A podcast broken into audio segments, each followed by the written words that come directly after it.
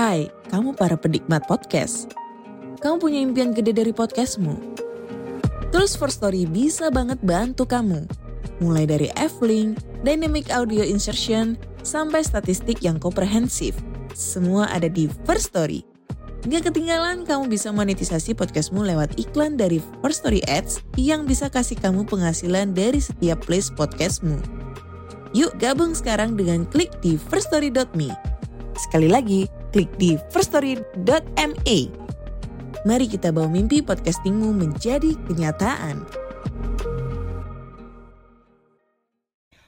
Menargetkan seseorang lewat jalur langit. Kamu adalah topik yang selalu aku bahas dengan Tuhanku dalam setiap doa-doaku. Hai, ketemu lagi nih di podcast kita Irae. Gimana nih kabarnya? Semoga baik-baik aja ya. Sehat-sehat, sehat raganya, sehat mentalnya, sehat hatinya juga. Sehat dompet dan rekeningnya juga. Jadi, di podcast kali ini kita mau bahas tentang menargetkan seseorang. Tikung aja orangnya lewat jalur langit. Tikung menikung, tapi halal cara-caranya. hmm, pernah gak sih kalian kagum sama seseorang yang sampai bikin kalian tuh pengen banget jadiin dia pasangan kalian? Kalau mengagumi seseorang mungkin pernah kali ya. Kayak orangnya tuh ideal banget gitu paket lengkap, udah mah pinter, paham tentang agama pula. Apakah teman sekolah yang cerdas di mata pelajaran tertentu, punya pendapat-pendapat yang cukup kritis, pintar bergaul, tapi di satu sisi dia juga paham agama dan ngejaga sikapnya kalau berinteraksi sama lawan jenisnya. Atau bisa juga rekan kerja yang orangnya problem solving banget, di kepalanya banyak ide-ide buat menyelesaikan masalah, tapi satu sisi dia juga taat sama agamanya, yang kelihatan banget bedanya sama teman-teman yang lain. Atau malah mengagumi orang yang cuma kita tahu di media sosial, yang hanya kita tahu lewat postingan-postingan dia. Karena ya ada juga yang kayak gini, kenal seseorang dari media sosialnya. Apalagi kalau orangnya dikenal banyak orang seperti influencer. Ya bisa juga kan kita mengaguminya. Tapi di satu sisi kitanya sendiri minder tentang diri kita. Membandingkan dia dan diri kita kok kayaknya beda jauh. Beda jauh kualitasnya. Beda banget levelnya. Hmm, malah bukan kayaknya lagi sih. Tapi udah jelas banget pasti beda jauhnya. dia paham tentang ini itu. Punya kemampuan public speaking yang bagus. Hidupnya juga tertata dia tahu tujuan hidupnya mau ke mana. Dia tahu apa-apa aja yang mesti dia lakuin. Jadi terarah dan tersistematis gitu kehidupannya. Sementara kitanya sendiri nggak sebegitu tertata sih seperti dia. Akhirnya, karena kita merasa minder jadi bawaannya ya pengen ngejauh aja dari dia. Suka seneng sama dia, tapi bawaannya pengen ngejauh gitu. Karena takut nanti makin pengen dapetin dia. Eh, tapi bukan yang jadi menjauh, malah jadi sering ketemu, jadi sering berinteraksi. Bukan karena disengaja kita yang cari-cari kesempatan, tapi seolah-olah keadaan yang menentukan kita sendiri untuk berinteraksi sama dia. Misalnya jadi sering satu kelompok, jadi satu grup diskusi, jadi sering ketemu di luar, di kafe, di mall, atau postingannya jadi lebih sering lewat di medsos kita.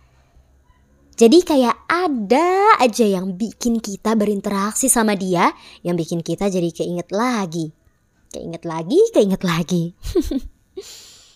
jadi jadi kepikiran kan ya kamu, mau pakai adat apa ya nanti?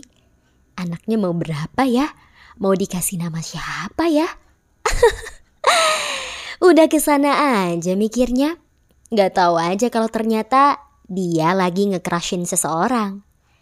Kamu dapat kabar kalau dia lagi tertarik sama seseorang dan yang pasti orang itu bukan kamu. Semula yang tadinya kepikiran mau pakai adat apa jadi kandas runtuh seketika. Kamu yang biasanya semangat berangkat ke sekolah, berangkat kerja karena bisa ketemu atau bisa ngeliat dia. Akhirnya sekarang jadi berat.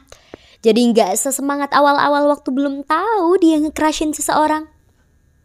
Tapi anehnya kamu tahu kalau dia nge-crushin seseorang kok jadinya bikin makin tertantang untuk mendapatkan dia gitu. Tetap gak bisa kalau gak suka sama dia. Gak bisa kalau harus benci ke dia. Malah makin nyantol maunya sama dia. Bukan sama yang lain. Kalau iya kayak gitu, jangan dekati dia secara langsung bro. Jangan dekati orangnya, tapi dekatilah penciptanya terlebih dahulu. Dekatin Allah dulu buat ngedeketin dia. Ya maksudnya kalau kita berusaha ngejar-ngejar dia secara langsung, kayak kita ngasih kode-kode ke dia, atau nunjukin kalau kita mau banget sama dia, nanti bisa-bisa yang terjadi malah dia ilfil sama kita. Dia malah menjauh. Menjauhnya bukan karena menjauh menjaga perasaan atau dia suka tertarik sama kamu, akhirnya dia mau jaga diri agar nggak salah jalan sama kamu. Tapi menjauhnya menjauh yang disebabkan karena ilfil sama sikap kamu. Banyak kan yang kayak gini. Cara yang paling benar, cara yang paling aman, cara yang gak akan bikin dia ilfil ya. Caranya adalah dekatilah penciptanya terlebih dahulu. Loh, kan katanya beribadah atau dekat sama Allah tuh jangan karena seseorang. Ya, kalau dengan mencintai seseorang bisa membuat kita menjadi lebih dekat sama Allah, why not? Biar nanti seiring berjalannya waktu, Allah sendiri yang akan membimbing hati kita.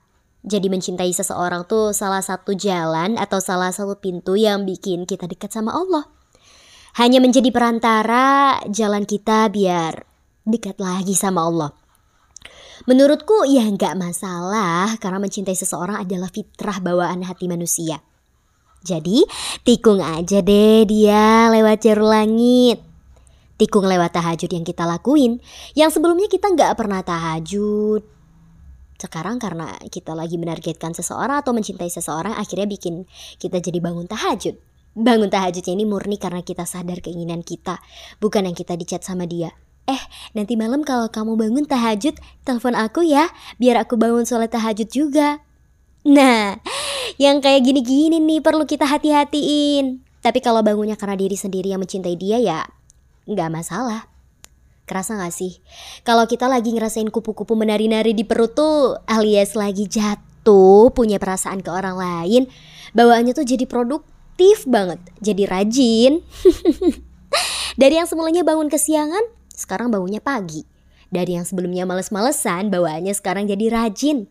Jadi happy, senyum-senyum sendiri ngebayangin dia. Waduh.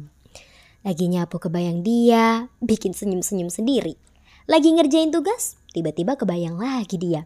Jadi bikin senyum-senyum sendiri lagi. Bener deh, Allah bisa membolak-balikan hati seseorang dengan sangat mudah.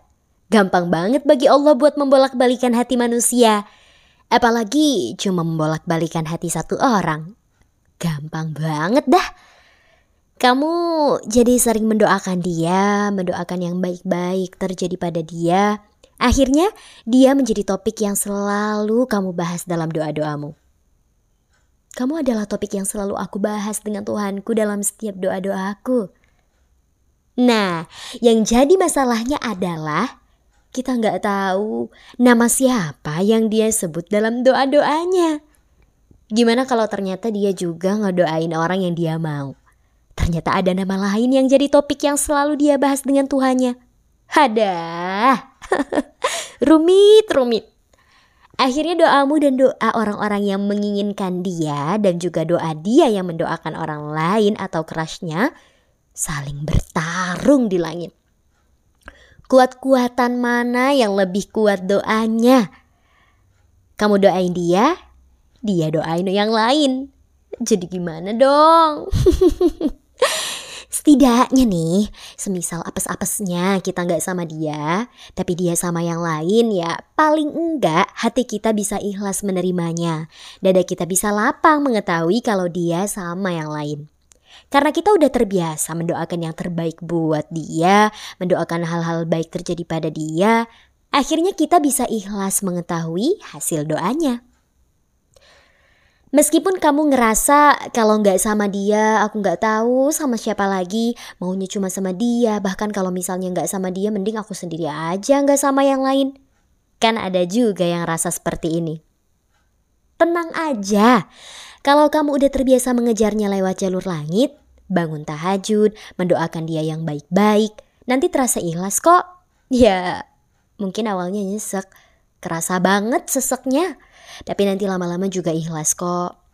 Dan yang perlu kamu tahu dan yakini adalah Allah gak mungkin membuat hambanya kecewa atas doa-doa yang dia panjatkan. Pasti akan Allah balas doanya meskipun bukan dengan menjadikan dia menjadi milikmu.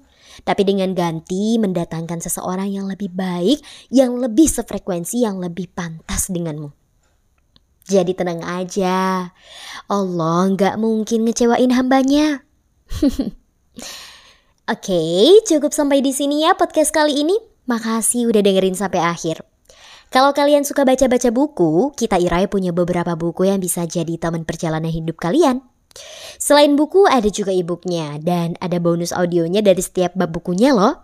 Untuk lebih jelasnya, bisa dilihat di link bio Instagram kita Irae atau bit.ly slice buku kita Irae. Oke, makasih ya. See you.